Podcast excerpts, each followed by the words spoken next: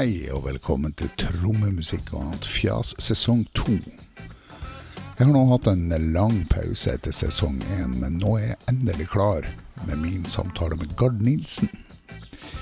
Gard Nilsen anser jeg som en av våre beste menn på trommetronen. Gard er vel mest kjent for jazz, men han spiller hva det skulle være, pop, rock, blues, you name it. Jeg hadde en lang samtale med Gard i januar, nede i øvingslokalet han deler sammen med Erlend Dalen, blant annet. Som jeg også har snakka med, og som kommer litt seinere på høsten. Det var veldig kaldt den dagen i januar, så vi hadde ei industrivifte på, som du kanskje hører i bakgrunnen. Men vi hadde det veldig hyggelig, og Gard snakka i vei om alt fra trommetimer med Audun Kleive til studietur til Sør-Afrika, og ikke minst en veldig morsom historie hvor han hadde en splittgig med Brian Blade. Så har han en karriere bak seg som keeper i Odd, sammen med Rune Jarstein. Hm, hva er det med trommeslagere og keepere? Jeg var også keeper, og tar jeg ikke feil, så var jo Knut Hem landslagskeeper i hockey. Ja, vi liker vel være bakerst og passe på, kanskje. Her er i hvert fall min eh, samtale med Gard Nilsen. Kos dere. Der har du en sånn 16-tommer, ja. Ja, så- Den la jeg på Jeg så trommesida i går. Så jeg tenkte, jeg, Nå solgte jeg akkurat de der 13-tommeren der. Og Gjorde du det? Usett til en annen fyr som jeg ikke vet om er.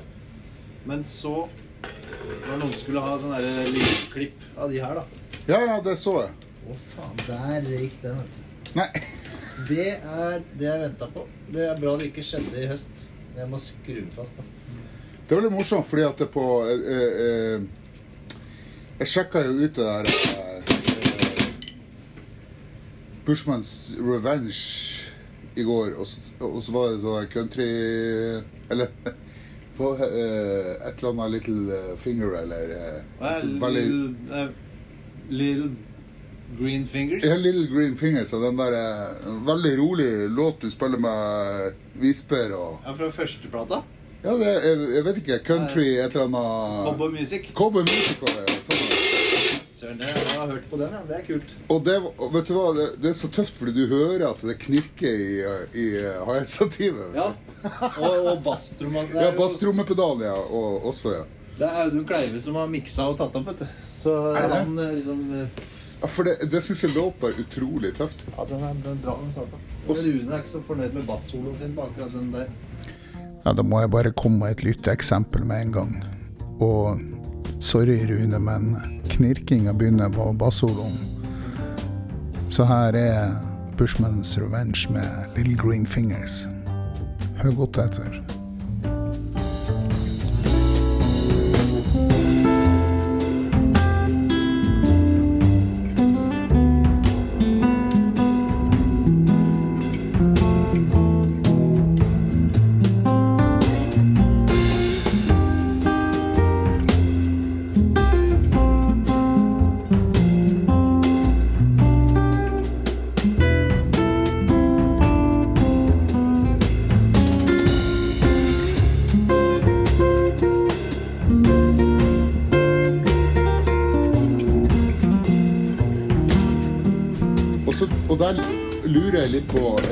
Syns jeg hører at du bruker både er den jeg tenkte på.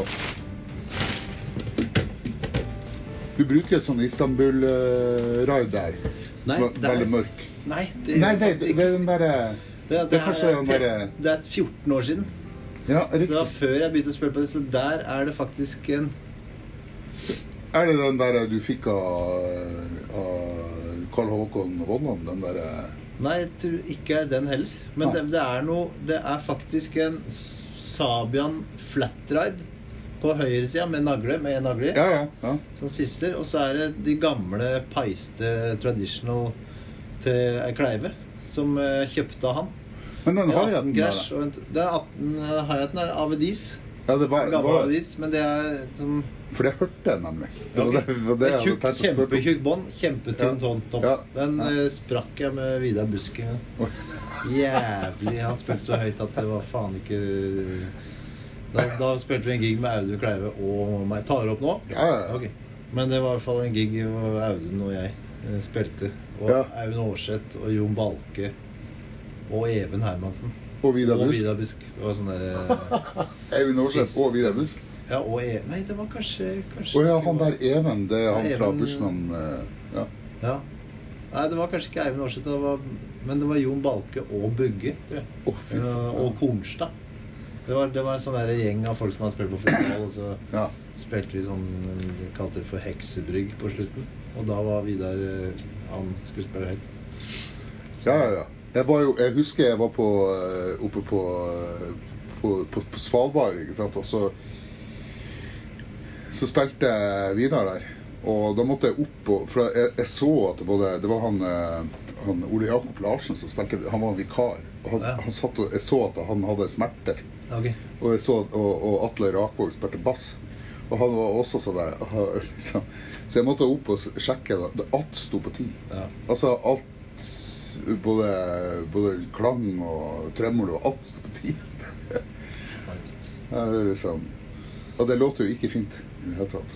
Ja, da blir det litt eh, Og gjerne de Fender-tvinnene. De Ja, ja, ja. spiller jo både forfra og bakfra. Så, Det er akkurat det. ja. Du, eh, Gard Nilsen, ja. Eh, Du, det var jo Jeg tenkte jo litt sånn på det da jeg starta det her, faktisk. Okay. Fordi at eh, Jeg husker jeg så Jeg husker jeg så deg eh, en gang på TV-en sammen med Stian Karstensen og noe sånn på, på, på en gård eller et eller annet sånt. Dere drev og spilte. Ja, det var Ellen Andrea Wang, tenker jeg. Ja, det var det. Og ute på gamle Ormelet. Ja, ja, ja. ja, Hjemme. ja, ja, Det var sånn eh, NRK-program. ja nettopp. Men, men det er ganske lenge siden, er det ikke? Ja, det er jo åtte år siden. Oh, ja, ja. 2013. Ja, nettopp. Ja. Ja. Tida flyr. Ja, tida flyr. ja. Nei, for at jeg, jeg, jeg har jo alltid vært litt sånn be, beundra over, over eh, spillet ditt og sånn. Yes. Så, jeg, så jeg, jeg tenkte litt sånn eh, Da, da jeg starta den podkasten, så tenkte jeg Tenk om jeg kan få snakke med Gard Nilsen? Det hadde vært hyggelig. Det her er jeg, vet du ja, ikke sant? Det var ikke noe vanskelig, det. Nei, nei, ikke sant. Uh, skal vi se, jeg har jo jeg, jeg satt i går og prøvde å forberede meg litt, og så, og så kikka på den der lista og sånn. Og da, så jeg føler jeg er litt dårlig forberedt, for at det, det ble så mange omveier. Så jeg satt jo og så en hel konsert med, med Brian Blade og Ja. Frankfurt uh, Big Band. Ja, ja, den der. Har du sett det? Ja, jeg har sett. Det er så, det er så flott. vet du. At, Det er eh. Så da ble jeg liksom distrahert der. Så, så den var jo, er jo en og en halv time, den konserten. Og Ja, det er live i radiostudio der. Ja. ja. det er fantastisk. Men eh, eh, Jeg snakka litt med Erlend eh, Erlend Dalen. Eh, og og eh, han sa jo at eh, han, han var jo læreren din i Skien. Han har ingen sånne historier om det. For at eh, jeg spurte liksom Er det ikke noe Er det noe med han? Liksom, er han interessert i noe annet enn eh, enn musikk og sånn? Nei. Det er liksom trommer, trommer og kanskje litt cymbaler, og så, så trommer. ja. Ja, det stemmer, det. Altså, ikke noe fisking, ingen, ingen sånne, sånne hobbyer, liksom. Det er lite hobby, altså, men jeg har vært Jeg var tidligere aktiv fotballspiller, da. Men jeg, jeg er glad i å spille fotball, men det har jeg ikke gjort på mange år. Og- Oddlandet? Oddlandet for alle penga. Ja. Så Altså Nå føler jeg at jeg har fortalt den storyen her til absolutt Gud og hvermann. Men uh, Rune Jarstein, som er Ja. landslagskeeper, Ja, ja, ja. spiller Hertha Berlin. Han er naboen min, og vi han er ett år yngre enn meg. Så vi spilte en omgang hver på, som keepere. da på- Og du på var keeper? Ja, keeper. Så vi var liksom i kretslagstroppen, begge Hva to. sier du det? Men så tok han et par steg videre. altså. Han gjorde det. Eh, han, eh, ja da. Så, så mine kompiser i Skien de liker å si at, eh, at, jeg har skrytt på meg at jeg var førstevalget og sånn. Eh, men, og det kunne han da avkrefte i en videohilsen til meg i utdrikningslaget mitt. Så, som han har da Ja, ja. mm, Så det var veldig bra. ja. Akkurat, ja. ja, Og så liker jeg å spille squash. Squash oh, ja. eh, jeg. Men jeg det det? kan jeg ikke få gjort nå.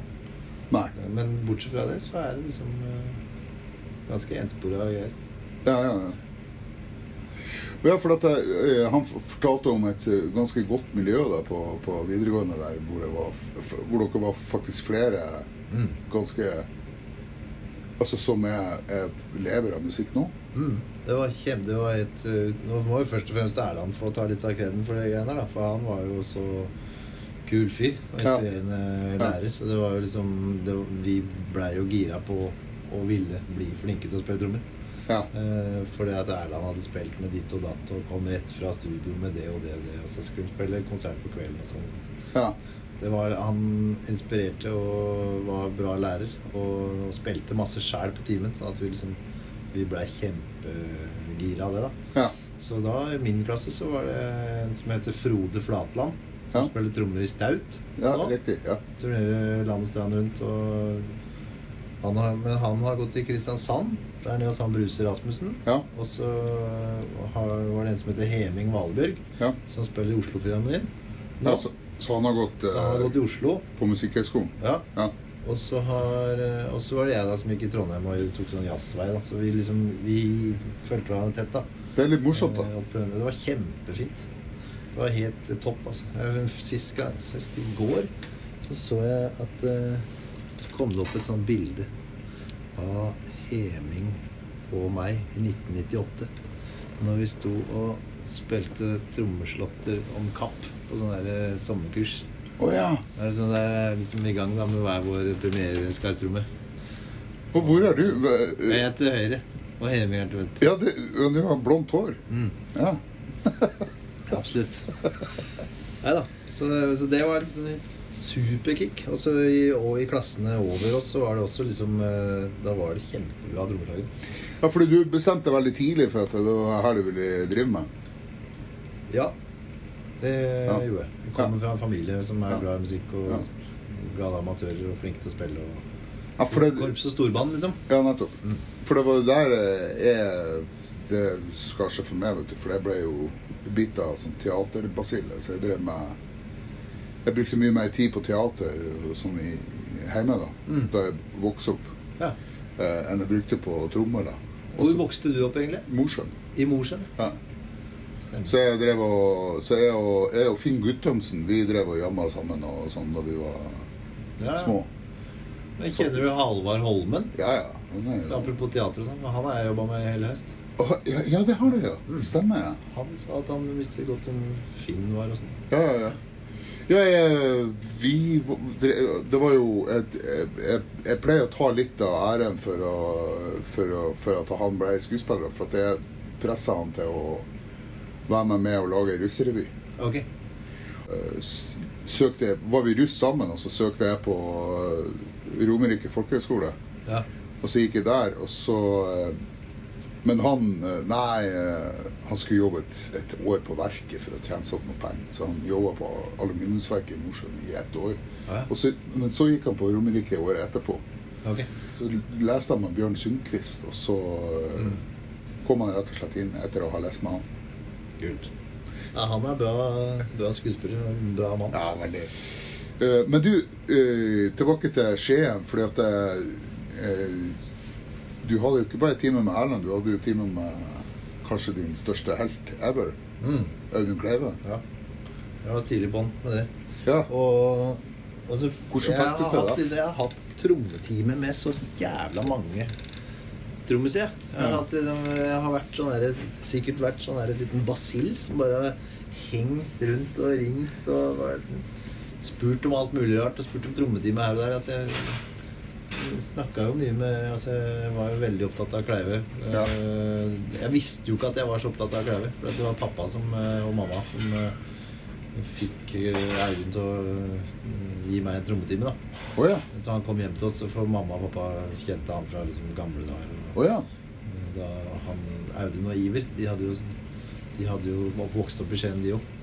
Og vært en del av byens musikkmiljø. ja.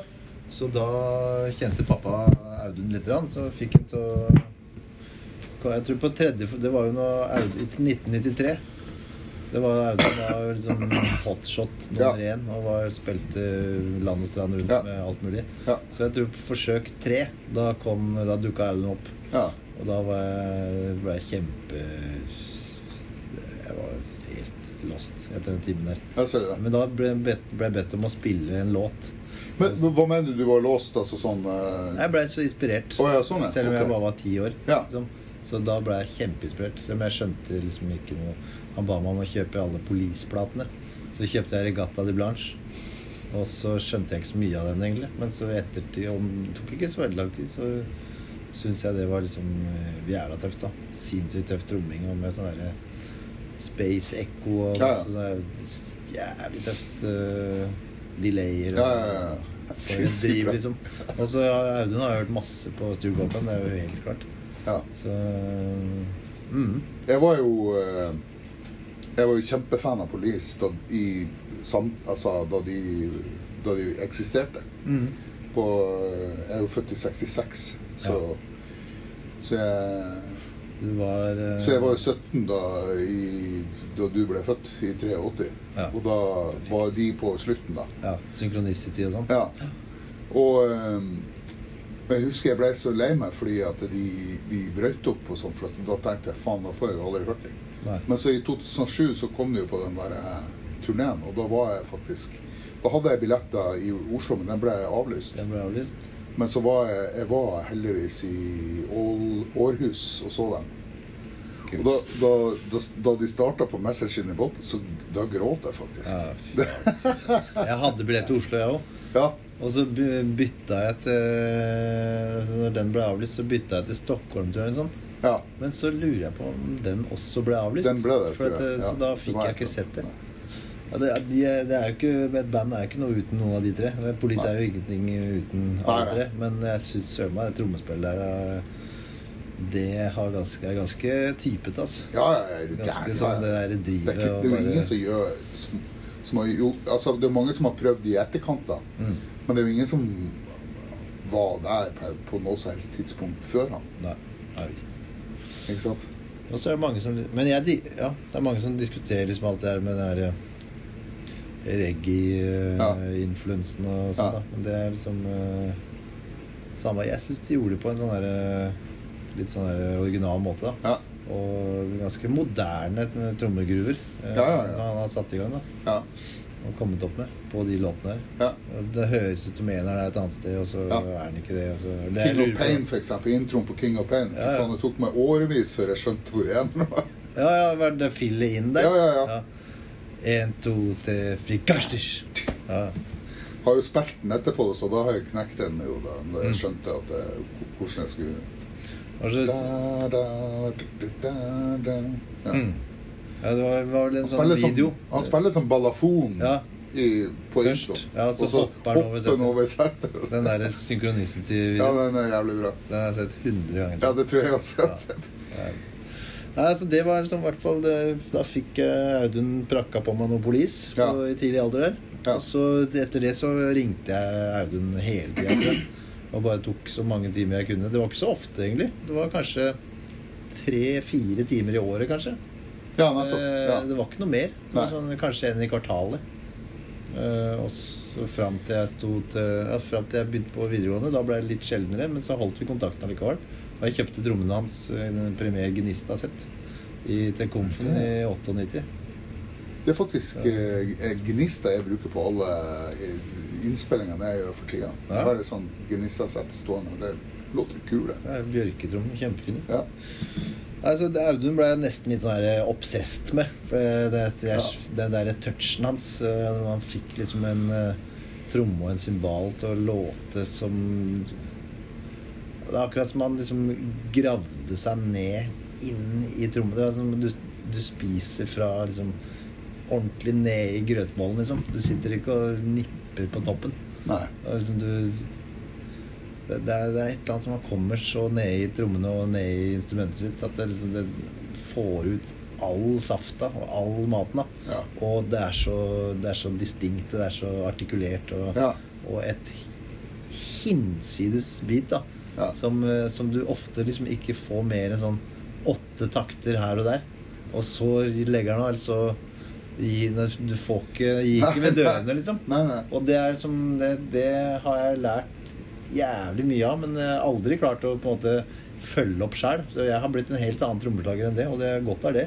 Ja, ja, ja, men eh, den der inspirasjonen eh, til å liksom gå litt andre veier, eller gjøre det litt annerledes. Og, som spiller dynamisk og spiller litt sånn bølgete, sånn som Audun har Ja, fulgt opp den eh, Jon Christensen-tankegangen. da nettopp. Med at han liksom ikke spiller nødvendigvis statisk eh, hele tida, men gå og spille litt i sånn bølger og opp og ned og trekke Ja. seg ut og trekke seg inn og melde seg på og legge av og, og gønne på når du først eller melder når du melder, da. Altså, og den, det sa han til meg at ja, men hvis noe står på egne bein Hvis eh, noen spiller noe som ikke altså, Du kan tenke altså, Hvis du lurer på om du skal spille eller ikke, så kan du spørre deg sjøl Trenger det trommer her? Og hvis svaret er nei, så Ja. trenger du ikke faen ikke å spille. Nei. Da kan du vente til du føler at det trengs. Ja. Og det er ikke så Det er jo jævla høres jo veldig fint uh, ut. Men Det det er er, lettere vanskelig. sagt enn gjort. For du har alltid lyst vanskelig. til å spille. Ja, ja, er du gæren? Så, men, men det er, det er en sånn voksen uh, tankegang som han Og den fikk jo jeg høre da jeg var liksom 15-16. Og har gått og kverna på siden, egentlig.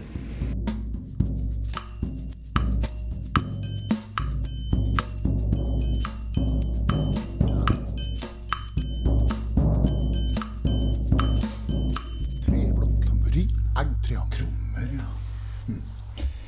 Jeg, tror jeg hørte han i eh, på 80-tallet på Jazz Alive eller noe sånt som lå nede i Tror jeg ble lagt ned før du begynte på skolen. Ja, Møllergata eller noe? Nei. Nei, det lå i Tollbugata. Okay. Helt, helt nede ved børsen der. Ja, ok. Men uh, ja. Jeg ble helt, ble helt, helt satt ut av han, altså. Helt utrolig. Ja. Kjempe Kjempeinspirasjon. Uh, Men han er fra de, de Skien, eller? Han er fra Skien. Ja. Så han er bror til Iver Kleive og, Ja. og sønn av Kristoffer Kleive, som var sånn kirkeorganist i Skien kirke. ja. Mm. Så han har jeg hatt uh, mye kontakt med opp igjennom. Litt sånn sporadisk her og der, men uh, ofte ringtes ofte og sp spilt litt sammen i seinere år og, Ja. og litt sånn. Så kult. Så, mm, så nå Har han vært Vi- med i det Supersonic-prosjektet ditt, eller? Nei, det har han ikke vært. Men, eh, men vi har eh, Vi spilte faktisk duo sammen i den der minnestunden til Jon Christensen på, Ja. på gamle Klubb 7. Det var sånn derre Det var vi enige om at det, det var veldig gøy. Ja, ikke sant? Men, men tilbake til det jeg sa om at jeg har liksom hatt så mange trommelærere. Ja, ja, ja. Jeg har liksom hatt uh, opp fra korps Jeg begynte i korps i Mm. tidlig alder. Jeg kom fra en korpsfamilie. Da hadde jeg liksom uh, først, Altså jeg hadde t- to fettere og en onkel og faren min og farfar som spiller trommer. Ja. Så da hadde jeg jo liksom lært litt uh, allerede der. Ja. Uh, men så fikk jeg en som heter Tord Berber ja. i, da jeg begynte i korpset. Det var kjempe Det var superkick. ja. Kjempegøy. Og så fikk jeg en annen Fordi, hvorfor det? Var, hva han tenkt Nei, han om det? Han lærte meg the basics, liksom. Ja, lærte meg litt noter. Lærte meg trommemarsj. Ja. Fortsatt lære meg å stave virvel, liksom. Det var Ja. sånn helt sånn basic ting Ja. som er vanskeligere enn å lære bort enn man skulle tro. Ja. Så hvordan lærer man bort en eh, altså, Nå er ikke jeg først og fremst noe Pedagog. spesielt bra pedagog, tror jeg. Nei. Men det der å lære bort kids på basic-stadiet, Ja. det tror jeg det, det er ikke bare bare, tror jeg. Så, men han klarte det, i hvert fall. Ja. Å holde på liksom, interessen til, til meg og en som heter Rolf Magnus Amundsen. Ja. Jævlig bra trommis, for øvrig, som Ja. gikk på videregående sammen med. Som er helt vilt bra til å spille Stuart Copeland. eh. Ja, helt ekstremt bra. Ja. Uh, og vi to gikk i korps sammen, da. Og han, uh, han Tord, han liksom klarte å liksom og Han spilte trommesett, han spilte i byens eneste storband og sånn. Og liksom, det var helt eh, Det var veldig gøy. Og, liksom bare, og etter hvert fikk jeg, lyst, fikk jeg lov til å liksom ta, ta et par jobber for han i storbanen sånn, da. Ettersom vi ble ledere, da. Men så det var han, og så hadde vi Terje Evensen var en annen trommeslager som, eh, som jeg hadde på kurs. Og så gikk jeg på som musikksommerleir. Da møtte jeg Lage Myrberget, eller Ja, ja. Lage Tune Børresen, som han het da. Ja. Og Sverre Gjørvad møtte jeg på sånn korpskurs. Som jeg hadde stor glede av å ha. Og Ja. en som heter Stig Sjøstrøm hadde jeg som trommelærer. Ja, ja. Spør med Daniel Eriksen og sånn. Men han er jo fra Skien, han òg? Ja, de er fra Bamble, begge Ja, Bamble, de to ja. sistnevnte. da. Eh, Så de, å ha, Stig tok meg med på Samtidsmuseet i Oslo da jeg var 15. liksom. Stemmer, ja. Altså, det er det er, um, det, er mange, det er mange trommiser som har hatt mye å si for meg. Altså. Ja, for du nevnte jo, du nevnte jo på den lista av inspirasjonskilder Du nevnte jo annet Picasso. da. Det var jo litt morsomt. Ja, det det er jo han eh, Ja, for, at, for at det, det er jo Altså ut, altså, Uttrykksformer er jo, kan jo være så mangt. mm, Og man kan jo bli inspirert av, eh, av, eh, av, av, av kunst. Altså selvfølgelig teater og billedkunst og, mm. og sånn. De sånne Picasso-bilder ofte så syns jeg de, de stikker seg så ut, for det er, det er noe Det ser ikke ut som det er Det ser ikke ut som vanlige malerier. Eller det ser ikke ut som de er helt ferdig malt, Nei, på en måte. Ja. Det er litt sånn det der fjella oppe i Lofoten. Ja. Liksom det, de der fjellkjedene der, det, de, er ikke, de fjella er egentlig ikke, de er ikke ferdig bygd. de. Nei. Det, er, liksom- det, det, det skjedde noe, og så Ja, ja, blei det Ja, sånn. ble det sånn. Og så her er det akkurat liksom de bildene Det er en annen form på det.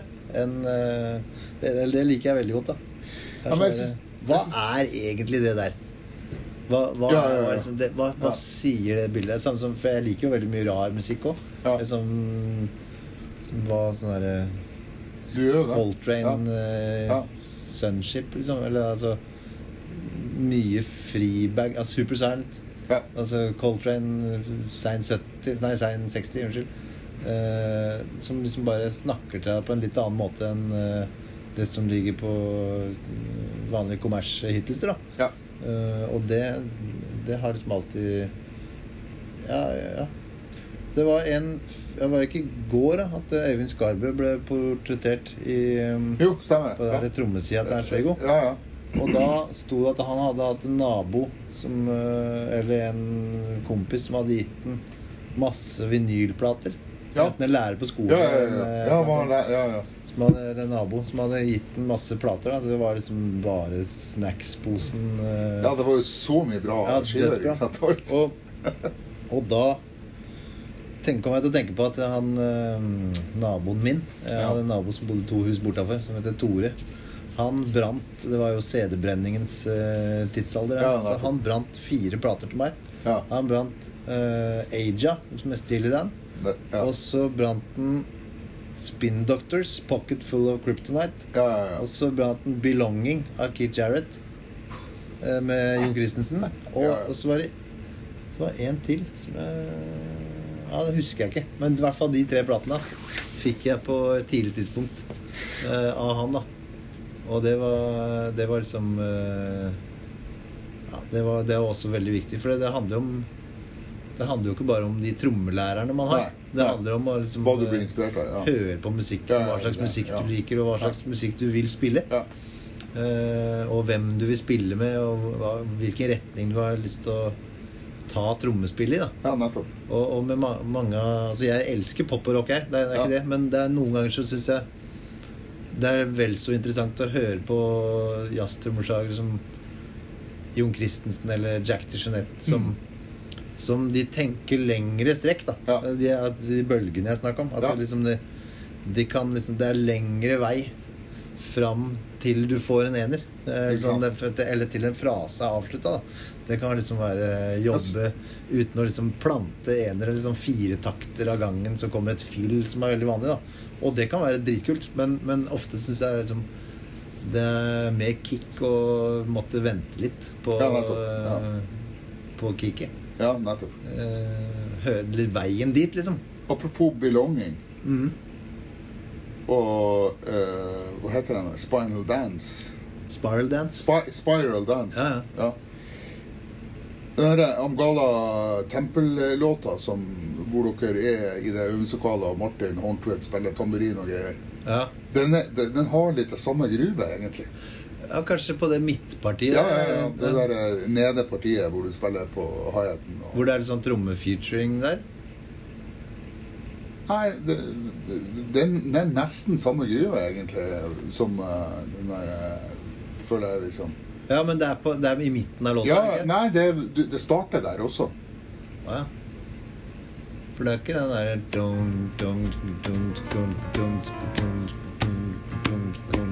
Jo, det er kanskje Ja, ja, ja. ja, ja. Da er det litt sånn midt inni der, tror jeg. Ja, det er kanskje midt inni der. Ja. ja. her hører vi Jan Gabarek med 'Kitch Jon Christensen og Palle Danielsson. Etter hvert vil dere også få høre om Gala Tempel med Avenue om Gala. Med Amund Mårud, Gard Nilsen og Lars Horntvedt fra en liveinnspilling i studio til Lars.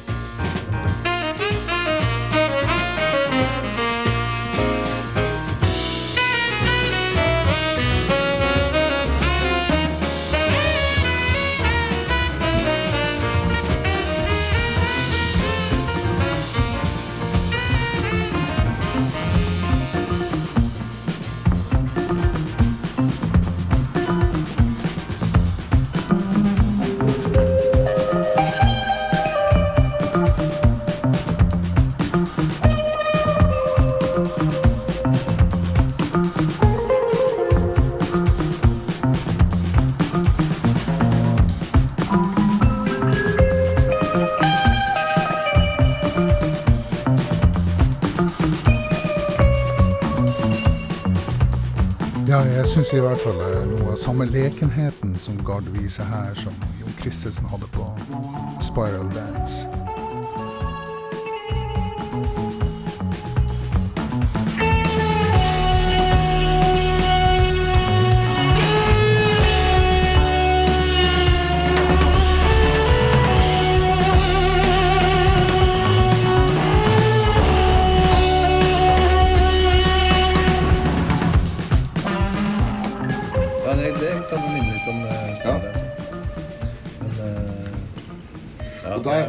Der, der husker jeg at jeg, jeg, jeg reagerte på den ganske kjapt, og så spurte jeg deg om, om hva slags symboler du brukte, for at det, det, det låter så utrolig fett.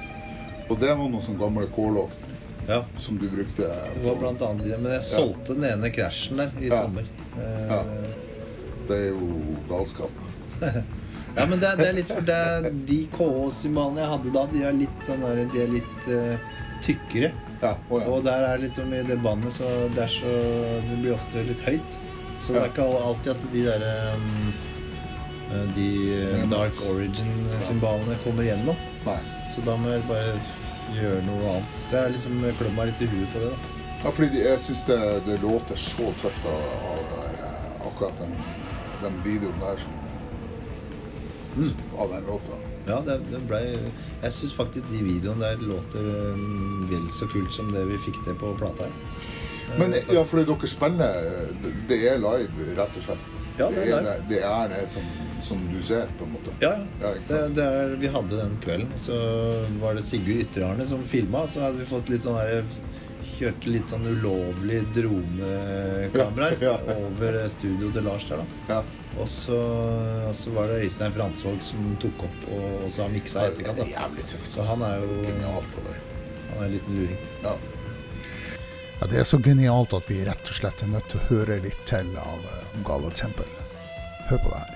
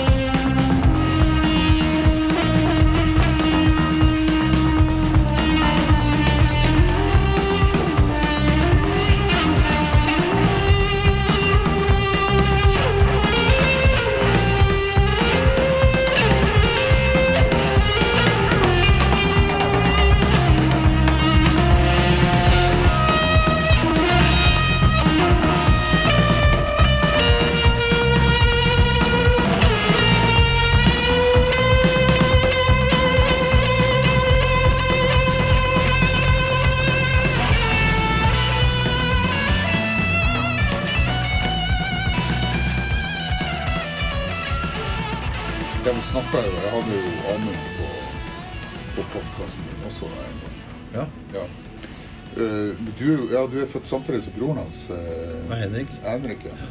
Og dere lå sammen med, med eh, i skautrommet veldig tidlig? Veldig Ja, ja, ja. ja, Vi hadde nesten samme settet, eller samme farge på trommene. Ja. Og samme eh, lekesettet da vi var Ja. fire. Ja, nettopp. Og nå er vi naboer, da. Borte på eh, Vålerenga-området der. Ja. Ja, ja. Han, eh, og vi har fått barn sånn cirka samtidig. ja men, har du flere barn, eller? Nei, bare ett. Ja. Men eh, ja. Mer enn nok for foreløpig. ja. ja, det er jo, eh, det er jo og, og det er jo et, også et sånn der eh, Et sånt dilemma man har som musikant. Liksom, hvor mye tid skal man Skal man ofre? Ja. ja det, jeg føler, altså, sånn sett så har jeg, føler jeg at jeg har ofra nok tid og fått holde på med akkurat det jeg vil Ja. Ganske lenge. da Så for meg så tror jeg det var ganske bra å få en liten sånn Ja. med, Så du hadde spurt Erland om, om jeg hadde noen andre interesser og sånn. Altså, Ja. Jeg har jo ikke det. Nei. Jeg er jo så enspora som det går an. Ja. Jeg som sitter oppe om natta og Men nå har du en, nå har du en annen interesse, og er. Absolutt. Og Ja. det er en liten type på 16 måneder som heter Ludvig. Og han eh, Ludvig, han, Det var ikke mitt, eh, først og fremst mitt forslag. Nei. Men uh, han Ludvig Søprafoni. Han er bare en super super fyr som ja, skal bli kjent med seg sjæl og Ja, ja. oss og verden og Da får du se da om du blir, om du blir noe bra eh, pedagog for vet du. Ja. Han har interessert seg veldig for trommer i det siste. Så, det, Så kult. det er gøy. Ja, Men det jeg er skal jo få velge sjøl, altså. Ja, ja, selvfølgelig. Men du eh, Du gikk jo på, på Sund folkehøgskole. Ja. Det er sånn der, Når jeg snakker med folk, så, så har de enten, så har de ofte gått på Toneheim, men Sund det kanskje har endra seg litt med årene. Så de hadde vel kanskje en jazzlinje der, eller? ja, det fikk en jazzlinje på midten av 90-tallet, tror jeg. Ja, nettopp. Og da tror jeg den der Toneheim-bølgen eh, med Da var litt. Jeg vet ikke, men for Toneheim er veldig populært for klassiske musikere. Ja. I hvert fall, veit jeg. Ja. Eh, Men nå er det liksom nesten blitt sånn at de Altså Sund er nesten en sånn forskole til Ja. jazzlinja i Trondheim på et vis. Fordi de har adoptert en del av den samme metodikken, da. Ja. Med det der med gehørspill eh, Eller Ja. gehørlære. ja. Uh, ja. Så, så det, altså det var det mest fantastiske året i livet mitt. Hei. Ikke sant? 2002-2003. Gikk du to år? Nei, men, oh, ja, ja. altså Nei, skolen to, 03 ja. 02-03. Ja, jeg gikk sammen med. Øyvind Skarbø, blant annet. Da. ja. Han var sånn andreårselev da jeg var førsteårselev. Så det, der møtte jeg Rune Nergård, eh, som har vært eh, min eh, bassmakker i I 20 år snart. ja. Så Og jeg gikk der sammen med mange andre superfolk. Bestekompisen min Thomas Johansson på trompet. Og det har gått fantastisk. eh, Masse bra musikere der. Men du gikk rett ifra Sund til jazzlinja, da? Ja. Du, Jeg snakka litt med Jarle, så spurte jeg han Jarle Vestbestad. Så Mhm. spurte jeg han eh, eh, om han eh, lærte mye teknikk, og om hva, hva han liksom fikk ut av de årene på jazzlinja. da. Han mente at han, han lærte egentlig aldri noe sånn teknikk. Det var egentlig bare snakk om å spille og, Mhm. og sånn på, på jazzlinja der. Ja, det, det er klart du har jo en- noen trommetimer og sånn eh, Ja. innimellom, men det, det er som regel snakk om samspill og hvordan du måtte, forvalter Ja. håndverket, Ja. eller hvordan du Hvordan du klarer å spille det du hører. Eller å holde fokus, og hvordan du Mm. improviserer og spiller sammen med andre. da ja. Det er jo det som er liksom fokus, og hvordan du lærer ting på øra. Ja. Du lærer ting uten å ha noter, f.eks. Ja. Og liksom det å kroppsliggjøre musikken. ja. Litt sånn afrikansk tankegang, egentlig. Du sitter bare i en trommesirkel, Ja. til alle kan alt. Ja. Du bare spiller og spiller og repeterer uten at du liksom Du skriver ikke ned og sitter på noter og stopper opp og sånn. Du bare, du bare fortsetter helt til det sitter. da Det er en lengre måte å leng, Lengre prosess for å lære seg ting, sikkert. Ja. I, eh, ja, eh, i, i starten. Men så får du igjen for det, da. Ja. det, når du først sitter, så glemmer du aldri. Ikke sant? Så, så det er litt eh, Det er ikke alltid man har tida til det, men eh, det, det er en veldig fin tankegang, syns jeg. Ja. Og, og så var det så fint med jazzlinja at man Eller, jeg visste jo hva jeg skulle øve på som trommeslager, fordi jeg hadde hatt Erland og Audun og Stig og Sverre og Joakim Nordin. Jeg hadde hatt Lage, jeg hadde hatt eh, Kim Ofstad de med, liksom, eh, altså, jeg hadde Jeg følte jeg liksom hadde runda trommetimer Ja, før jeg begynte der oppe. For at, eh, jeg hadde vært så interessert og gira da, på Ja. alt som var bøker og transkribering og Ja. oppsett og diverse trommer og perkinstrumenter og stilarter og liksom Jeg følte jeg hadde liksom Jeg hadde i hvert fall hatt masse trommelærere Mm. og fått mye ut av det. da Så selv om det var kjempebra å ha trommetime på jazzlinja og helt annerledes enn det jeg hadde hatt før, så, så var det først og fremst det at vi ikke hadde undervisning, som var bra for meg. da Vi Ja. hadde liksom fem timer undervisning i uka, kanskje. ja. Og da Ja. Så det, da hadde du jo masse tid da til å Ja. øve og spille med andre folk og lage band og slutte i band og få sparken i band og starte nye band, Nettopp. legge ned band og dra på turné og drikke kaffe og gå på konsert. Ja. Så kanskje en øl i ny og ne. Ja, ja.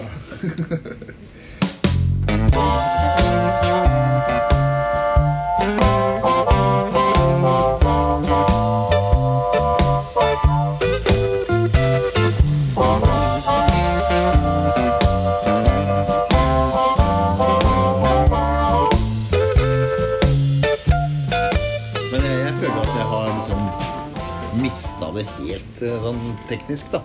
For etter at jeg liksom ikke har så mye tid til å øve og bare pandemi og fått barn og liksom holder ikke ting ved like. Og Jeg har fått en litt sånn der oppvåkning bare hva, hva skjer her nå? Og begynner å nærme meg 40 og så videre. Sånn der, jeg, jeg bare merker at jeg, for at jeg skal holde holde meg på et visst nivå, så må jeg øve og liksom varme opp litt, i hvert fall. Så Ja, ja, ja. holde litt sånn herre Spille litt hver dag. Ja. Hvis ikke så blir jeg rusten. Ja. Jeg, jeg merker det. Og særlig sånn utholdenhet sånn. Plutselig kommer og spiller med sånn herre ja, Bushmans, da, som skal liksom trøkke litt i. Hvis jeg ikke da er eh, litt forberedt på det, så stopper det opp. Altså. Før så kunne jeg bare ta det på hælen, og det gikk bra, for da spilte jeg så mye hele tida. Ja. Men nå, liksom, nå er det litt mindre spilling og av naturlige grunner, da. Men Ja. eh, også mindre øving også. ja. Så eh, nå har jeg et mål av å liksom få øvd litt mer, da. Eh, For nå syns jeg jeg har skikkelig kick på det òg.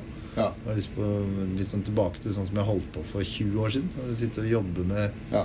rudiments og øvelser og Ja, transkribere litt og lære litt andre gruver og bare sånn forske litt. ja. Det, det er gøy. Du, den der lista di, så uh, Trommeslagerne, det, det, det er jo greit. Det er jo masse fantastiske trommeslagere du har satt opp der. Men så, så skrev du opp en del andre sånne inspirasjonskilder. Mhm. Og der er utrolig mye pianister. Er det? Ja. Paul Blay, Keith Jarrett. ja, og så eh, Hva var det han derre Du slang på noen her på slutten, blant annet han eh, sørafrikaneren. Ja, ja, ja. Dollar Brand. Ja. Og Ahmad Jamal. og Ja. Jeg bare Ja. kom til å tenke på den derre Ahmad Jamal-trio Live at Ja. the Pershing ja. Club fra, fra 58 eller 57 eller noe sånt. Ja. Det er jo bare Det er Vernal Fournier på trommer, tror jeg. Oh, ja. Det er sånn But Not For Me. Det, er- det, er så, det er så fett. Det, er- det er fantastisk trio, rett og slett. Ja. Eh, den har jeg hørt mye på egentlig i seinere tid. ja. Eh, Ja, altså han der eh, Dollar Brand som heter Abdullah Abdullah Ibrahim. Ibrahim. Ja. ja. Det var så sterkt, for at jeg, jeg, jeg, jeg satt og, og hørte på ei låt som jeg bare fant eh, Som ikke, ikke, ikke Mammerei, men eh, Mammenberg. Mannenberg heter den låta, ja. Og det var en versjon fra 2007 som var spilt inn i Johannesburg. Som var noe sånn Johannesburg Tapes eller annet sånt. Ja. Og der det, det hørtes jo nesten ut som det var han der eh, bassisten som spilte med Paul Simon, vet du. På Graceland. ja, ja, han derre Laboriel. Nei, Nei. Nei, nei, nei, han eh, faen heter han igjen, da? Kumalo. Han som spiller på, på den Det er jo sørafrikaner. Ja, ja. Uh... nei, jeg husker ikke. Ja, bassisten. Bare fikk en følelse for at det var veldig sånn afrika Veldig typisk afrikansk, det der. eh, Ja, sørafrikansk, sant? Ja, sørafrikanske.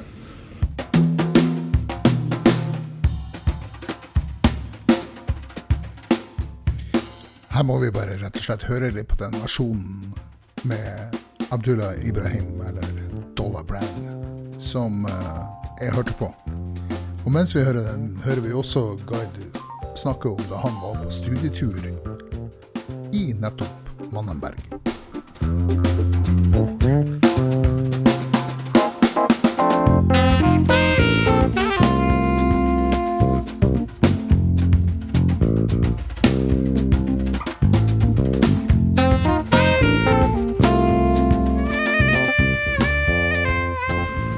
Vi, var, vi var i Sør-Afrika på sånn studietur. Ja. med Folkesund folkeskole. Da. Oh, ja. Da, da var vi liksom ute i townshipene og sånn. da Og det Ma Mannenberg, det er en eh, En by, Det er en sånn township Ja. eh, hvor eh, eh, Ja, hvor det bor mye mm, fattige mennesker. Ja. Som eh, Også på andre sida av motorveien så er golfbanene til de rike. Ja. Altså det, er, det er ganske helt enorme forskjeller, da. Så vi var i en township som het eh, Langua, Ja. Og besøkte en trommeslager som heter Dissuplaches. Som var, egentlig reiste rundt med ensemblet, trommeensemblet sitt og en sånn, sånn kor som het eh, En gruppe som het? Amampondo. Okay. Som han, de reiste rundt med Nelson Mandela.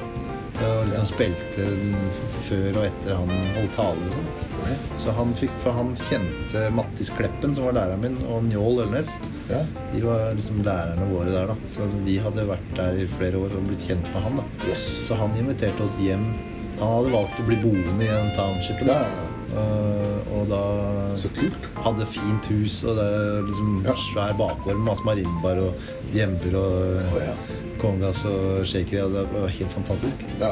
Uh, men så den, apropos den Mannenberg-låta du nevnte, Ja. den spilte vi blant annet, for det er, det jo en, det en låt ja, det er det. som Ja. er oppkalt etter den townshipen der, da. ja. Jeg hørte originalen også. Det var jo det, det har jo det samme som den afrikanske gruve og sånn. Og Mm. Veldig kult. Fantastisk. Altså helt fantastisk. Uh, Ja.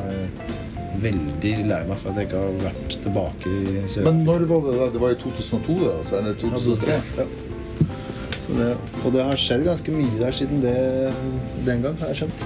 At det, Ja. liksom blitt, det var jo ganske farlig, og det har blitt enda Ja, ja, mer farlig. Vi liksom bodde på Vi bodde midt i byen på en sånn derre sånn herberge, eller sånn der Ja. hospits. Som, og utafor så satt det liksom tolv år gamle jenter som var gravide og sniffa lim, liksom. Og hadde og, og, og prostituerte seg. Det, det var liksom Det var det er helt ville tilstander. Men så det var så Og så var det veldig vestlig rett inn i sentrum. Ja, ja. Så det er helt sånne enorme Ja. forskjeller. Ja. Enda større forskjeller enn du ser i USA, liksom. Ja. For der er det jo også litt sånn, ikke sant? Ja, Jeg trodde ikke Ja, det er jo sterkt inntrykk. Ja, det kan jeg tenke. Og i den alderen også. 20 år og 20 år ufaglært Ja. på alle vis. Da hører vi gjerne litt på Mannenberg av Abdullah Ibrahim, eller Dollar Brand, som faktisk er født på samme dato som meg og John Lennon, 9. oktober. Så rist løs til eh, sørafrikanske rytmer.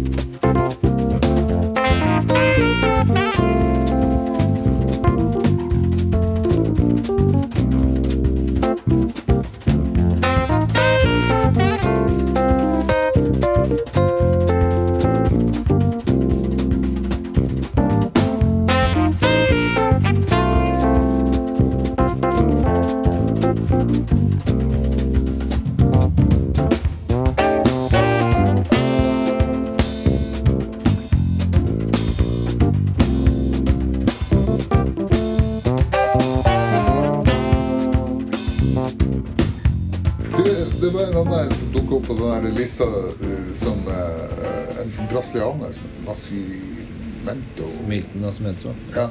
Er det noe du har fra foreldrene dine, eller, noe, eller en eller annen kjæreste du har eh, Nei. vært med? Noe sånt? Nei, men jeg hørte den først uh, gjennom samarbeid med Wayne Shorter, egentlig. Oh, ja. Ja, det, litt sånn, sein- det var litt sånn seinere. Men, men det var egentlig Thomas Dybdahl som tipsa meg om Er Milton? Nascimento.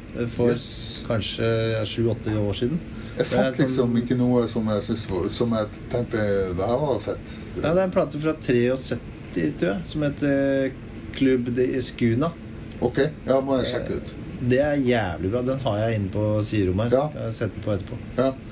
Den, eh, vi burde egentlig slutte det intervjuet her nå og så gå inn og høre på den og drikke kaffe. For den er så bra. Ja, nettopp.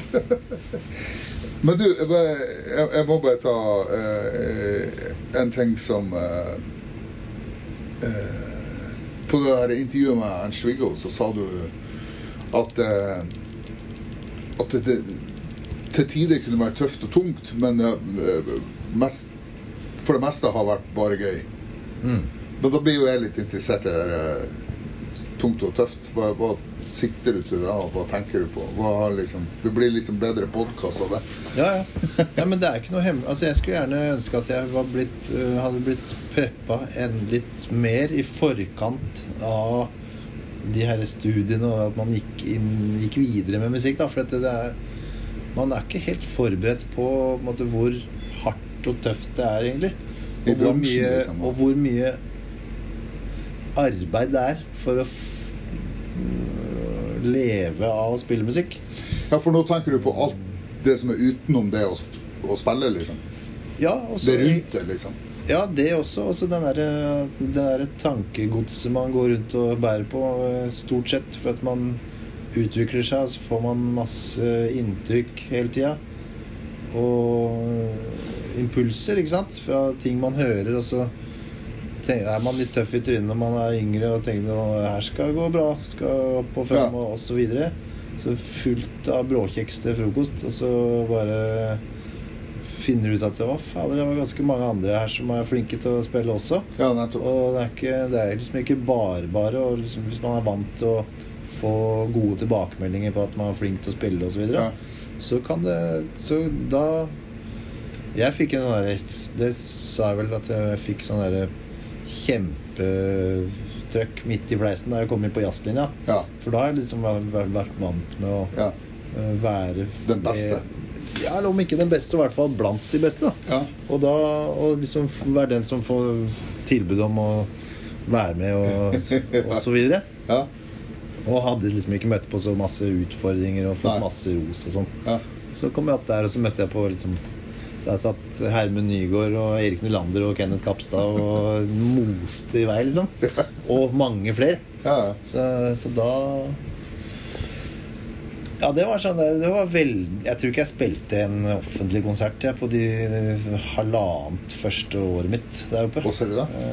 nei, det var bare å sitte inne og øve og Vi hadde en, et sånt prosjekt med Jon Christensen på, om 70-tallet. Ja, det tenkte jeg. Har, har du tatt timer hos han nå, eller? Ja, det var en sånn samspilltime, eller en seminar Ja, over ja. en uke. da så, Ja, sånn sett har vi det. Og så lagde jeg et sånn, en fordypningsoppgave på videregående skole om han, blant annet. da For jeg har jo alltid tenkt at du eh, er på en måte i, min, I mine øyne er litt arvtakeren til, til han. Ja, Liksom. akkurat. Ja, det er i så fall flere av oss, tror jeg. Men, men det er jo, det er jo en, en menighet, eh, føler jeg, Ja, ja, ja. som har hørt på Jon. Men det, Jo, jo, men det er absolutt har hørt Men masse du, på. du har mye av det han hadde, da, Ok, tenker jeg. ja, det er hyggelig. Veldig hyggelig. Ja. Men eh, nei, vi var eh, Ja. Nei, det, han har betydd utrolig mye. Men eh, der oppe så tok det litt sånn tid før jeg liksom kom i gang, da. Ja. Og det, det, det syns jeg Det lærte man jo masse av. Og da er det enten så må man bare gjøre det her hvis man virkelig vil. Og det, det hadde jeg kanskje sagt Det pleier jeg å si litt til hvis det kommer en eller annen student og skal ta noen timer innimellom. Ja. Så pleier jeg også å si det uten at jeg mener å skremme de, eller at det er noe sånn skremselspropaganda. Ja. Men det er bare sånn herre Det her er ikke Det er smart å tenke ordentlig gjennom uh, Om man vil. Ja.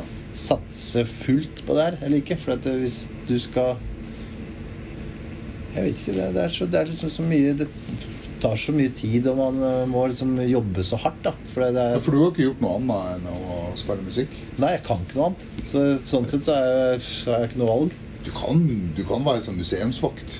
Sitte på en Jeg, vet, stol og det vet, jeg er ikke sikker på det. Nei, jeg ser du vrir litt på det når du sitter på den stolen. Liksom. Jeg, liksom, det jeg blir forbausa Ja. over uh, meg sjæl til tider. Ja, ja.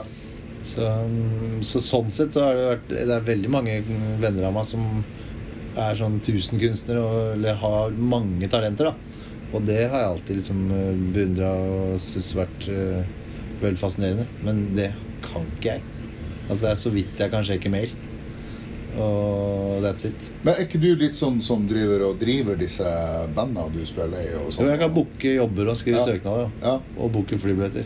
Og leiebil. da kan du jo Det er det jeg kan. Ja. Men det For å kunne det, så må du kunne en god del mer, da. Ja da. Ja, men det, er, det, er ikke, det er ikke lett å si. Men eh, det er ofte at de flinkeste, de største talentene, ikke har så lett for å sitte Ikke har så lett for den derre bukkebiten og ringe ut og selge seg sjøl osv.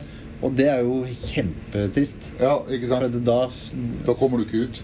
Nei, for det er jo det Hvis man ikke blir preppa nok på at det her er ikke for alle, eller det er, det er Ja. masse jobb, og det er Ja. en helt annen type Ja. del av den, det yrket her som også venter. Eh, Med mindre du får deg en manager eller agent som Mm. er eh, helt super, men de fins ikke. Eh, Så, så må du så, så kan du ikke sitte hjemme og vente på at eh, Johnny Mitchell skal ringe. Altså, det går ikke an å sitte i sofaen og vente på det. Apropos Johnny Mitchell og Brian Blaine. Mm. Uh, jeg husker jeg, jeg hørte den derre uh, Hva heter den skiva igjen, da? Shine heter den jo. Shine, ja. Og da, da spilte jo eh, Da spiller jo han på Da spiller jo han Brian Blaine på den tittellåta. Og jeg,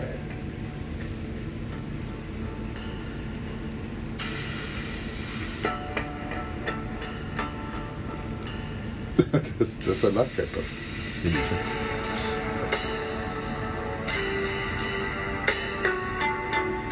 Så sakte, men altså sånn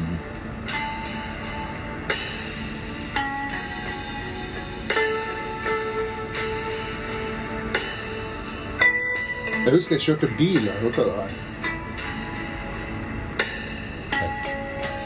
Det var Nils Petter Molvær som på NRK Jazz spilte denne låta.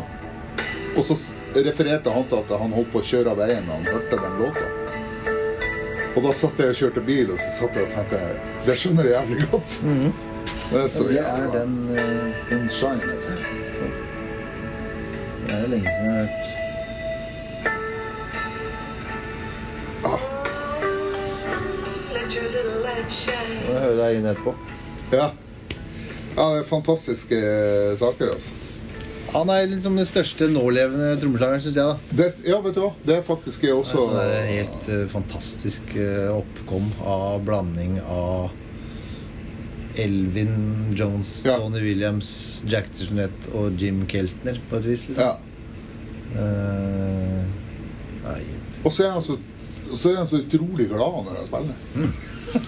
Ja, men det er det han, jeg tror virkelig at han elsker Ja, musikk. Det, det tror jeg også. Han elsker å spille musikk sammen med andre musikanter. Ja. Det er Brian Blade, altså. Ja, er det, der, er, der er vi i hvert fall på nett. Jeg kan fortelle en historie om Brian Blade. Ja. For har, Når han har spilt i Oslo, så har han ofte, to ganger har han lånt trommene mine. Å, ja. Og så når han har spilt på Victoria med fellowship og Ja. sånn. Men så har vi Jeg spilte en split-gig i Polen en gang. Ole Morten Vågan og jeg. Vi spiller med en uh, polsk eh, saksofonist som heter Maci Obara. Jaha. Og en pianist som heter Dominik Vanja. Vi har gitt ut to plater på ECM. Og Ja. så har vi turnerer Han er veldig Han er sånn type uh, Ola Kvernberg-populær i Polen. Ok, Eh, altså, ja. det, det kommer tusen stykker og høre på, liksom. Ja. Så der har vi holdt på i sju-åtte år Ja. med det. Og så skulle vi spille på noe som heter Summer Days. Summer Jazz Days i Warszawa i 2014, tror jeg. Og da, av en eller annen grunn, så hadde de booka på Det var sånn 3000 kapasitet eh, sal. Og så skulle vi spille splitgig med Wayne Shorty kvartett. Ja. Og da hadde han i kontrakten sin at han skulle spille tidlig. For han gadd ikke å spille seint på kvelden. Altså Så Wayne da- Shorter? ja. ja, ja. Med John Patucci, Danilo Perez og Brian Blade. Og så skulle vi da spille etter de, da. ja. Så de spilte klokka sju, og vi spilte klokka ni-halv ti. ja. Men da skulle vi da ha lydsjekk først. ja. Og så skulle jeg og Brian Blade dele trommesett. ja. Og da tenkte jeg at eh, den er grei. Da skal jeg bare la de trommene De trommene skal bare få lov til å være litt sånn som de er. Og så skal jeg overlate det her til Brian Blade etterpå, sånn at han kan tyne, for da skal han ha lydsjekk etter meg. Ja, ja, ja. Og da skal jeg bruke de trommene han har spilt på etter Ja. han. Så Ja, da kan jo jeg bare sende de trommene på spa til han. For at han, er, han stiller jo verdens beste trommelyd ja i min bok. Ja.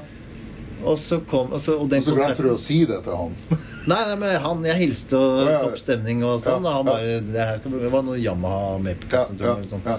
Og så gikk vi og spiste. Så kom vi tilbake til konserten deres. Det låt, jeg har aldri hørt så rå konsert med det bandet eller tromming av han ever. ja, ja, altså, det, det var 3000 folk der. Ja. Og det var, det var sånn der svær hall. Oh, Det var, det var altså, så kick. Og Wayne Shorter var liksom nesten 80 år.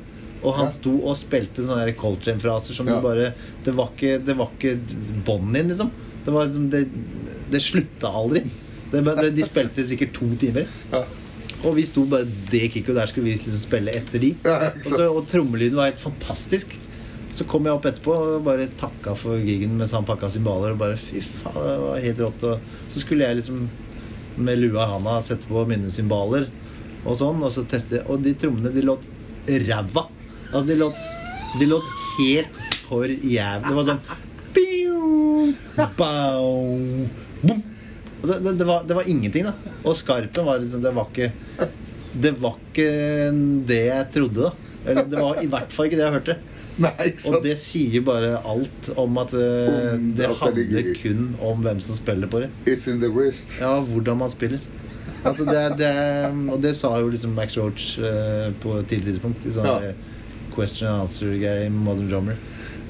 Han nekta å si hva slags cymbaler og trommer og skinn Han brukte. han brukte på plata, for det, det, var uvesentlig. Ja. Det, det er jeg som spiller trommer. Ja, ja. Det er det som betyr noe. Altså, jeg spilte jo inn noe perk hjemme på ei låt her om dagen. Og da, da brukte jeg annet en eh, kakeboks fra bakehuset. Som, som jeg brukte som en sånn Spilte den Låt bra. Det låt kanon. Kjempefint. Ja. Ikke sant? Så det, det It's all in the wrist, ser jeg nå. Ja. Ja, Det så kult. Ja, det var jævlig morsomt. Ja, det var et uh, Men eh, har du truffet han flere ganger, eller? Ja, ja, ja du, Ja, du har lånt bort settene hans og sånn. Ja, så treffer jeg han liksom innimellom rundt omkring på en eller annen festival her og der, da. Ja. Plutselig, for dette, Og særlig på sommeren, da På Schiphol. Jeg møtte på dass på Schiphol en gang eh, i Amsterdam. Ja. Eh, Sånn forbifart, da. Bare ja. Men jeg, jeg, jeg kan ikke si jeg kjenner den. Men, eh, men jeg er megastor fan. Ja, Og så digger jeg det han gjør med Daniel Lanois også. Ja, ja, ja. Så det er en sånn egen film som um... ja, for du gjør jo også litt sånn der eh, Du er jo ikke total jazz. Du er jo eh, Du spiller jo med Altså Du spiller jo pop og sånn med Susanne Ja, Susanne Sundfø. Jeg spilt med ti år. sånn. Ja. Hun, det er jo helt fantastisk. Ja. Det, jeg vet ikke hva jeg skal kalle den musikken. Det er ikke så farlig. Nei. Men, eh, men det, det er helt supert. Men har du samme approach til, til, til musikken og til hvordan du spiller og til lyd og sånne ting i den settingen som du har ellers? Ja. Ja. Jeg syns det, er- det er bare Det der med bølger og sånn, tenker jeg, eksempel. Ja, men man må forholde seg til mer eller mindre Mer eller mindre rammer, da. Så selvfølgelig, hvis det er en låt som er ferdigskrevet, og den skal være sånn og sånn, sånn så forholder jeg meg til det. Men så kan man kanskje frigjøre seg litt innenfor de rammene. da Og det, det trives jeg godt med. Og, og jeg digger jo å spille Spille Holde en groove òg. Ja. Det er ikke det. Nei, ja. Men eh, alt til sin tid, da. For det snakka Erlend Dahl litt om, at du er jo Du kan jo alt. Det stemmer ikke. Men, eh, men, eh, men takk skal du ha. Jeg, vips, jeg vipsa han 1500 spenn for Ja. Og såpass, ja. Ja. Nei da. Men, eh, nei, men det er, jeg syns det er kjedelig å holde på med bare én ting. da Ja. Så det er gøy å bli inspirert av mye forskjellige ting. ja. Så om du kan høre på Beatles den ene dagen og Danny Lanois den andre dagen og Supersilent den tredje dagen. Så, Ja, for du, du setter jo opp eh, Ringo Starr her som også en, eh, en inspirasjonskilde. Ja, fantastisk trommis. Ja, ikke sant? Fantastisk. Ja. Altså, de som mener noe annet, har jo ikke skjønt det. Nei, ikke sant. Eh, ja, det er jo helt, helt klart. Jeg gikk jo, eh, jeg gikk jo eh, en sånn, eh, en sånn, en sånn morgentur med Bernard Purdy eh, Ja. i Memphis. Jeg, jeg, jeg var på en sånn her eh, sånn, eh, Ikke Memphis in May, men eh, som Blues Awards okay. i, som, i Memphis. da Og så var vi på hotell, og så tilfeldigvis så traff jeg eh, Bernard Purdy ute, så vi gikk en tur. da Wow. Eh, Sånn Ta en kaffe og, og bare gikk i gatene i Memphis. da. Fram og tilbake til hotellet. Yes. Uh, og da jeg kunne jo ikke dy meg, så jeg måtte jo spørre han da om det der Beatles-ryktene. da. Ja. Uh, og han sa litt sånn kryptisk eh, eh, I play them all. Et eller annet sånt. Eller many og sånn. Men, eh, så han, han holder på det fremdeles. Altså, at han, han mener at han har spilt mange Beatles-låter. Men jeg tror altså jeg tror, Hvem var det som sa det? Det var Ja. Det var vel Torstein Ellingsen eller noe sånt. Så at, han, han surrer nok litt. Han, han blander nok litt. Mm. Eh, han eh, Bernhard. Ja. Eh, jeg er veldig i tvil om det. Men det er, det er spennende. Men jeg kan da komme med en annen eh, Ja. brannfakkel her. Ja.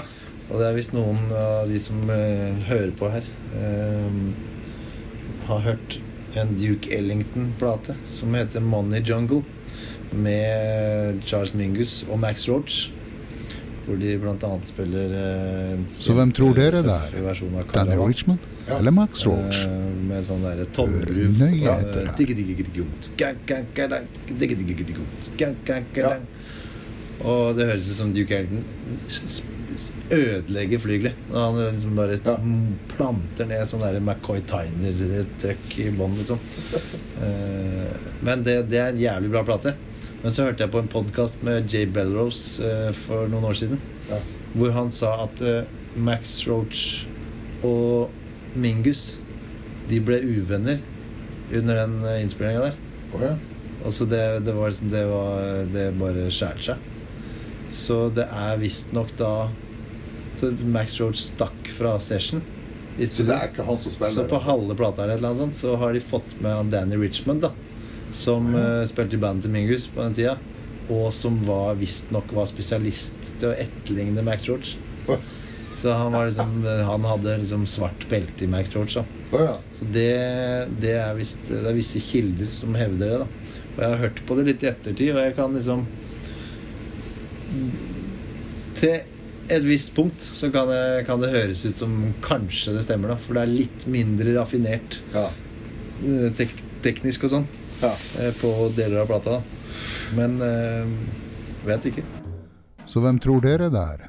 Danny Richmond eller Max Roach? Hør nøye etter her.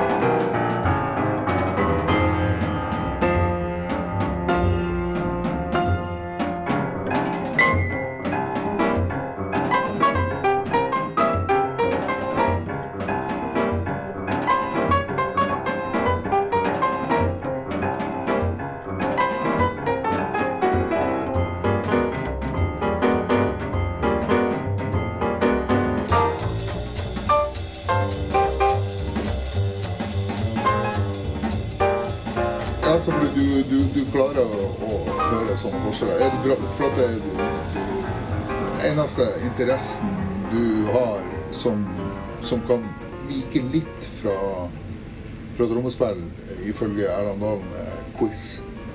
Ok. Morsomt hva han sier det. Eh, ja. Er det, er, er, du, er det sånn at du kan høre forskjeller? At du hører, hører hvem som spiller og sånn? Jeg er interessert i det. Ja. Men jeg liker kanskje best å ha quizen sjæl, så Ja. andre kan gjette. ja, nettopp. Ja. Nei, men det er jo gøy, det. Å Ja. prøve å liksom eh, og Hvem er det som spiller her? Ja, Ja. ja, Å ja, han spiller med han, ja. Wow, ok, kult. Ja vel, er det han på piano? Er Ja. det hun som spiller bass? Liksom? ja, ikke sant. Så det er, det er gøy. Ja, så gøy. Hva slags prosjekter har du i fremover, da? Nei, si det. Ja, det er ikke godt å si. Nei, det er jo litt spesielle Eh, tider. Ja. Men jeg skal, jeg skal prøve å skrive litt mer musikk til det der Supersonic Orchestra-bandet mitt. Ja. Som er sånn sånn svært storband. Ja. Og så skal vi lage en ny plate med trioen min, Acoustic Unity. ja. Ja. Og så er det litt sånne ting her og der. Ja, for det der eh, Acoustic Unity, det er jo usannsynlig tøft. Jeg hørte blant annet, jeg- så annet et sånt opptak dere spilte i Portland på, på ei trommesjappe. Ja, ja. Revival Drums. Ja, ja, ja. Det var jo utrolig tøft, da. Ja, det, var, det var vel nesten ja, det var et, år siden eller sånn. Ja. Det var, Ja. Vi rakk å komme oss en tur til USA før det stengte ned. ja. Det er jævlig tøff eh, plate, nei, trommesjappe. Ja, ja, nettopp. Ja, det liksom Det ser ut som du går inn i 1964, liksom. ja? Og så er det masse trommer der også. Ja. Så det er kult. Jeg fikk sånn der, Apropos sånn Picasso og, og Munch, så jeg fikk jo sånn der kunstmetafor i høvet da jeg hørte der eh, Acoustic eh, Unit. Ok? Ja, for at det, det er liksom sånn Det skjer så jævlig mye. Og det er litt sånn Munch, når han malte, så malte han Han maler veldig mange streker, og så er det liksom noen som bare setter seg. Mm. Ikke sant? Jeg fikk litt sånn feeling da jeg hørte på også. Jeg får ikke tak i alt, liksom. Nei, nei, men altså, ikke sant? det er ikke nøye. Nei, For det er ikke det du skal. Du skal på en måte du skal, Det er akkurat som du ser en sånn svær krusedull, og så plutselig ser du et maleri inni der. ikke sant? Det er litt sånn føler jeg når jeg sitter og hører på der, den musikken. Så, så fikk jeg en sånn, sånn feeling. da. Ja, så hyggelig. Ja? Det er fint. At du sitter liksom Å, dæven, det var noe jævlig tøft. Og, og det betyr jo også at du kan plutselig høre noe helt annet dagen etter. Mm. Ja, Som er kanskje liksom- enda tøffere. Ja, prøve å utfordre seg litt på det, da. Og Ja. at ikke liksom hver eneste konsert skal være lik. Nei, ikke sant? Eh, Det er jo et mål, da. Samtidig kan det bli vanskelig hvis du skal Hvis du tenker hver dag Nei, nå må vi gjøre noe annet. Ja. Da kan det bli sånn hemsko eller sånn der Ja. hemmende, da. Uh, hvis du liksom skal på hele tida liksom gjøre noe annet enn i går. Ja. For det er ikke dermed sagt at det, det som funka i går, det kan jo funke i dag òg. Ja. Men det, det kan utvikle seg på en annen måte. Ja. Så jeg syns det er litt det er sånn vanskelig å legge sånn Legge sånne regler for hvordan det skal være. da Man må bare være litt så åpen innstilt som mulig. Ja. Alt er lov, og alt er, det er aksept for alt. Men Det er det det storbandet ditt òg, da. ja, Det Det er det. Ja, ja. ja, for der så jo han der uh, eh, Der var det et, et sånt fra Bergen ja. Eh, dere spilte. Da var det en bassist og Hvem var det han eh, Hvem var han trommeslageren der, da? Hans Hulbrutmo eller Håkon Mjåseth. Mjåseth var det nok, sannsynligvis. Ja. Så satt plutselig og, og ikke spilte. Og så snakka han litt med bassisten. Nei, det passer ikke. Og sånn, og så plutselig så Ja, nei, vi spiller det. Og så plutselig spilte de noe sånn der jungelgru plutselig oppå der dere spilte. Og sånn. Ja. Det var litt sånn der morsomt. Fordi de Det har ikke jeg sett opptaket. Ja, de satt der liksom sånn der Plutselig bare spilte den ikke, og så Nei, det er det som er gøy. Ja, å ha med ja. liksom sånne musikere som Ja. er liksom så dumboører Ja. og åpen innstilling til musikk og improvisasjon. Det er, liksom, det er så inspirerende. Det er så kult. Da, da, da må det bli bra. Ja. Og, eller i hvert fall interessant. så Men du, eh, du kommer ikke utenom den derre eh, eh, Artist in Resident uh, i Molde. Det må jo ha vært hva, hva tenkte du da? Var du nervøs, eller? Jeg hadde litt tida på å bli nervøs og jobbe med det. Ja, ikke sant? Men det, jeg, det var bare en sånn kjempestor ære, da. Ja, ja, ikke sant. Å bli spurt om noe sånt og få ja. gjøre det. Ja, Uh, Og jævla flaks at det var i 2019 og ikke 2020, for eksempel. Ja, Eh, ja, for faen. At alt det der ble gjennomført da, som det skulle. Så jeg, jeg følte at uh, Nei, det var bare gøy. Ja. Det var jævla gøy. Eh, Og det, det gikk Eller jeg følte at jeg hadde liksom forberedt og jobba godt nok i forkant. da Sånn at det ble ikke sånn Det ble ikke veldig mange sånne overraskelser underveis. Eller sånne ting som gikk skeis. da sånn, det, det, Jeg kunne fokusere på det musikalske, da. Og det, det var gøy. ja, fordi sånn som du spilte med Bill Frisell, eksempel. Mhm. Hvordan forberedte du deg til den konserten? Fordi at eh, Hadde du en dialog med han om hva slags låter dere skulle gjøre? Og hva dere skulle, eller var det du som satte hadde musikken? Nei, det, jeg satte inn siste halvtime eller sånn med han Thomas Morgan, bassisten, og Bill Fussell, De var der og spilte duo, og så satte jeg inn på slutten av konserten. Å, sånn er det. Det var det vi liksom kunne få til, da, for at han hadde for mye prosjekter sjæl. Og... Ja, så det var ikke sånn kjempeforberedelse til den? Nei, vi hadde en lydsjekk, liksom, og så Ja. hadde jeg foreslått et par-tre av hans sine låter som Ja. jeg elska. Og så endte vi opp med å spille et par av de, og så et par andre som de bare begynte å spille på. Altså, så det var ikke noe voldsom øving. Men det, det var desto gøyere, da. Og fikk liksom henge en dag med han. Var Ja, jo- eh, han er jo en sånn fyr som jeg har digga opp, opp gjennom årene. ja, det, Han er topp ti. Topp ti eh, alt. Han er Joey Barron. Ja. Spilte jo nesten country en periode, vet du. Mm. Så jazzcountry var jævlig speisa og greier. Mm. ja. Nei, det Men du, du, du har ikke spilt noe mer med han Nei. enn den greia der? Nei. Men uh... Nei.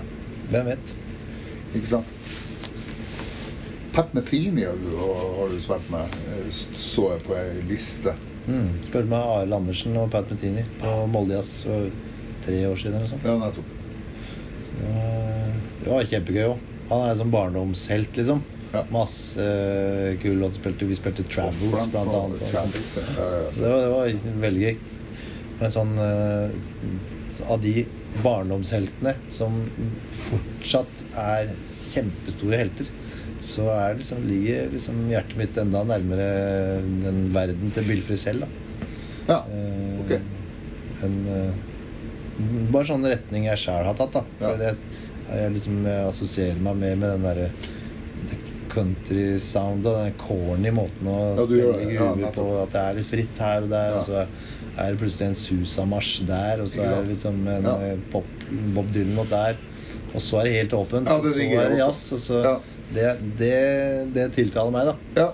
Men eh, Men vi var altså Ole Morten Vågan og jeg Vi ble invitert hjem til Pat Metini på Manhattan oh, i 2018. Nei. Og jamma opp i studioet hans i oh, penthouse. Oh, leiligheten i 50. etasje. Oh, så. Så det, det var jo Det var megakick.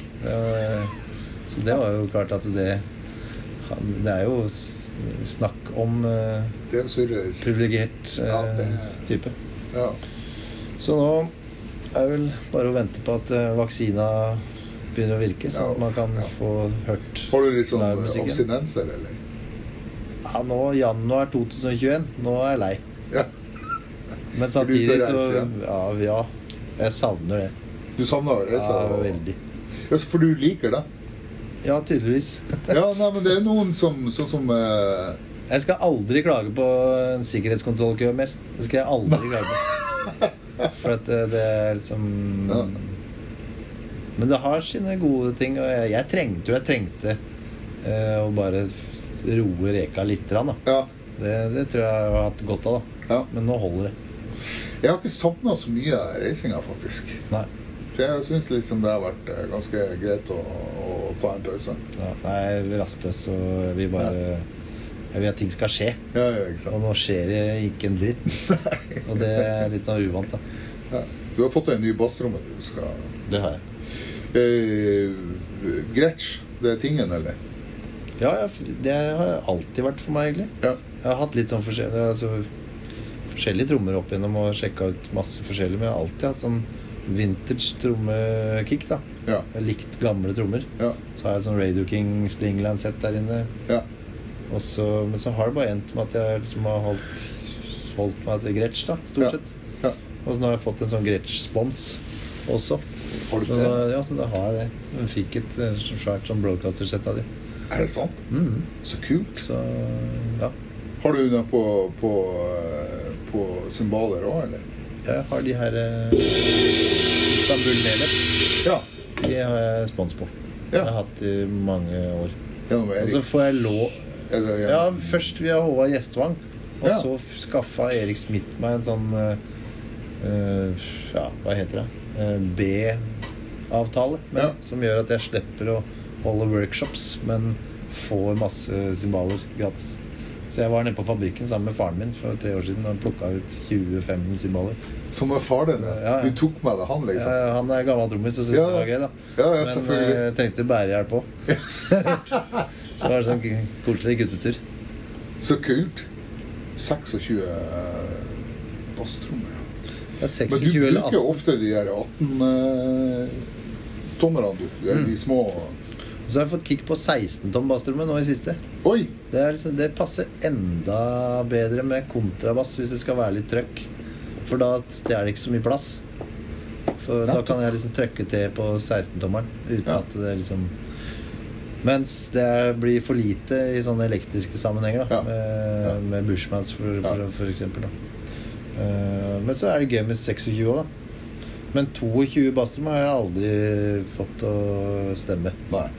Det, men det er jo verdens mest brukte størrelse. Da. Så det er sikkert meg det er noe galt med. Jeg hørte en eller annen, et eller annet sted at eh, årsaken til at eh, 18-tommer ble som jazzkit, var fordi at, eh, for at trommeslagerne måtte ha ei basstromme som gikk ned i taxien Mm. i New York. Sikkert. Garantert et eller annet sånt. Ja. Det var jo ofte 20-tommer de hadde ja. eh, fram til Men det ble altfor stort for dem. 50-tallet. Ja. Jeg ser på de gamle bildene. Det er stort sett liksom Roy Haynes og Max Roach og. Art Blake. Det er 20-tommer de bruker. da Ja, nettopp. Og før det igjen så var det jo 24 og 26. nettopp. Ja. Gene Krupa og ja. Baby Dodds og sånn. Ja. Papa Joe Jones spilte på svære basstrommer. Ikke sant? Ja. Ja, tøft. Nei, så vi får se. Jeg driver og forsker på lyd. Ja. Og finner jo aldri Får jo aldri nok. Nei, Man finner jo aldri den perfekte tromma. Det er liksom, men det er, det er gøy. Det er helt ok, det. Ja. Det er liksom bare da Funker det til det, og så kan det funke til det, og så kan man fortsette å jobbe. Forske. Og så stikker eh, eh, Du bruker litt sånn tjukke stikker, du, gjør du ikke? Eller sånn tjukke og så tynne foran. eh. Litt sånn forskjellig, altså. Men jeg bruker Jeg har brukt stort sett litt sånn bolero. Nettopp. Vic Firth bolero. Ja. Og Peter Erskine ride stick. De to ja, nettopp. bytter jeg litt på. Jeg brukte også veldig mye bolero før da jeg var ung, men eh, jeg, følte det var, jeg følte det var litt sånn feil. Og så og det, det er mange ting jeg har følt har vært feil, og som jeg angrer på at jeg følte på var feil og slutta med. F.eks. det der med å tråkke hi-haten hele tida. Ja. Det, det, det, var, det var en bassist som sa til meg må ikke, gjøre sånn. Nå var jeg setrene. Ja. På siste så, for jeg satt sånn liksom Har du lemus, eller? Og så han var, så han ble så irritert på den der fotoseksen. Og det var egentlig veldig dumt, for det er jo den beste timekeeperen du har, egentlig. Mm. Så ja. Audun Klaus sa det til meg da jeg ja. var liten. ja, jeg husker det sto i det. Men det kommer jo Altså, er du i studio og- skal ha en annen viss fil på en låt, Ja, og du ikke er hypp på å høre high-hat-tråkking på plata di, ja, ja, ja så er det klart at Eller den der knirkinga og Ja. ja. kan du drite i det. Ja, ikke sant. Men, eh, men sånn live og sånn, så hjelper det meg litt, da. Det er jo Tony Williams-tankegang, egentlig. da Ja. Han gjorde det veldig ofte. Ja. Ellers så satt han og spilte bare på ride. Ja. Uten noen ting. Og Det er en låt på Nefertiti-plata til Miles Ja. hvor det kun er ride-symbol. Ja. Det er ikke hi-hat, det er ikke basstromme. Ingenting. Ingenting. ja, tøft. Eh, Kleive brukte jo sånn, noe som heter procussion fra Showsticks, som var sånn veldig tjukke. 2B, tror jeg han brukte. Ja. Eh, som var veldig lette som maple-stikker. Veldig lette. Okay. Litt sånn som bolero, Ja. Faktisk. Bare at de er jo litt større. Ok. Mm. Det visste jeg ikke. Ja. Det var Supersonic og Geir Igernes som drev og Mm. importerte. Geir, ja. Han har vært i gamet en del år. Ja. Ja visst. Men eh, kult. Eh, da må vi eh, Det er jo eh, Jeg skal ta og legge ut et par bilder fra det her øvingslokalet. Det er jo eh, en utrolig heftig uh, Hva heter det? Hule. Ja. Det er gøy her, altså. Ja. Det er fint at du har fått At det er så sentralt og sånn. Jeg tror jeg skal hit på torsdag òg. Ja, Skal ja med Erland. Ja. Så det ble jo, vi har jo en del felles eh, historier som eh, vi holdt på å le og skakke da vi snakka på telefonen. i stad. Mm. Vi har spilt i en del av samme eh, bander og sånn. Ja. Så vi hadde Kult. Ja, Ja. Erland er jo helt fantastisk. Ja. Kjempegod kompis. Ja. Og topp lærer i sin Ja. tid. Og bare vi koser oss gløgg her. ja. Og han er jo en av de fineste musikantene vi har i det landet her. Ja, helt klart. Jeg, jeg, ja. Han må være fantastisk å jobbe med. Har han lært seg tannblass, eller? Jeg vet ikke. Det står alltid noe nytt her Ja. eh, når jeg kommer inn. Ja. Det er alltid et eller annet nytt. Han har kjøpt seg et sånt trommesett som heter Boller og brus. Bolero, ja. Boller og brus. Herlig. Det var bra. Ja, men du, Yes. takk for at du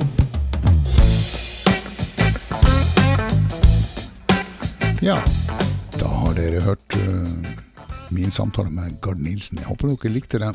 Gard er jo hyperaktuell som alltid. Han har nettopp avslutta en eh, hyllest til Jon Christensen på Molde Jazzfestival. Han skal, han skal spille på Oslo Jazzfestival. Han er for tiden nede og har et eh, jazzseminar på Søgne folkehøgskole. Så det, pandemien har endelig løsna grepet om uh, Gard Nilsen, i hvert fall.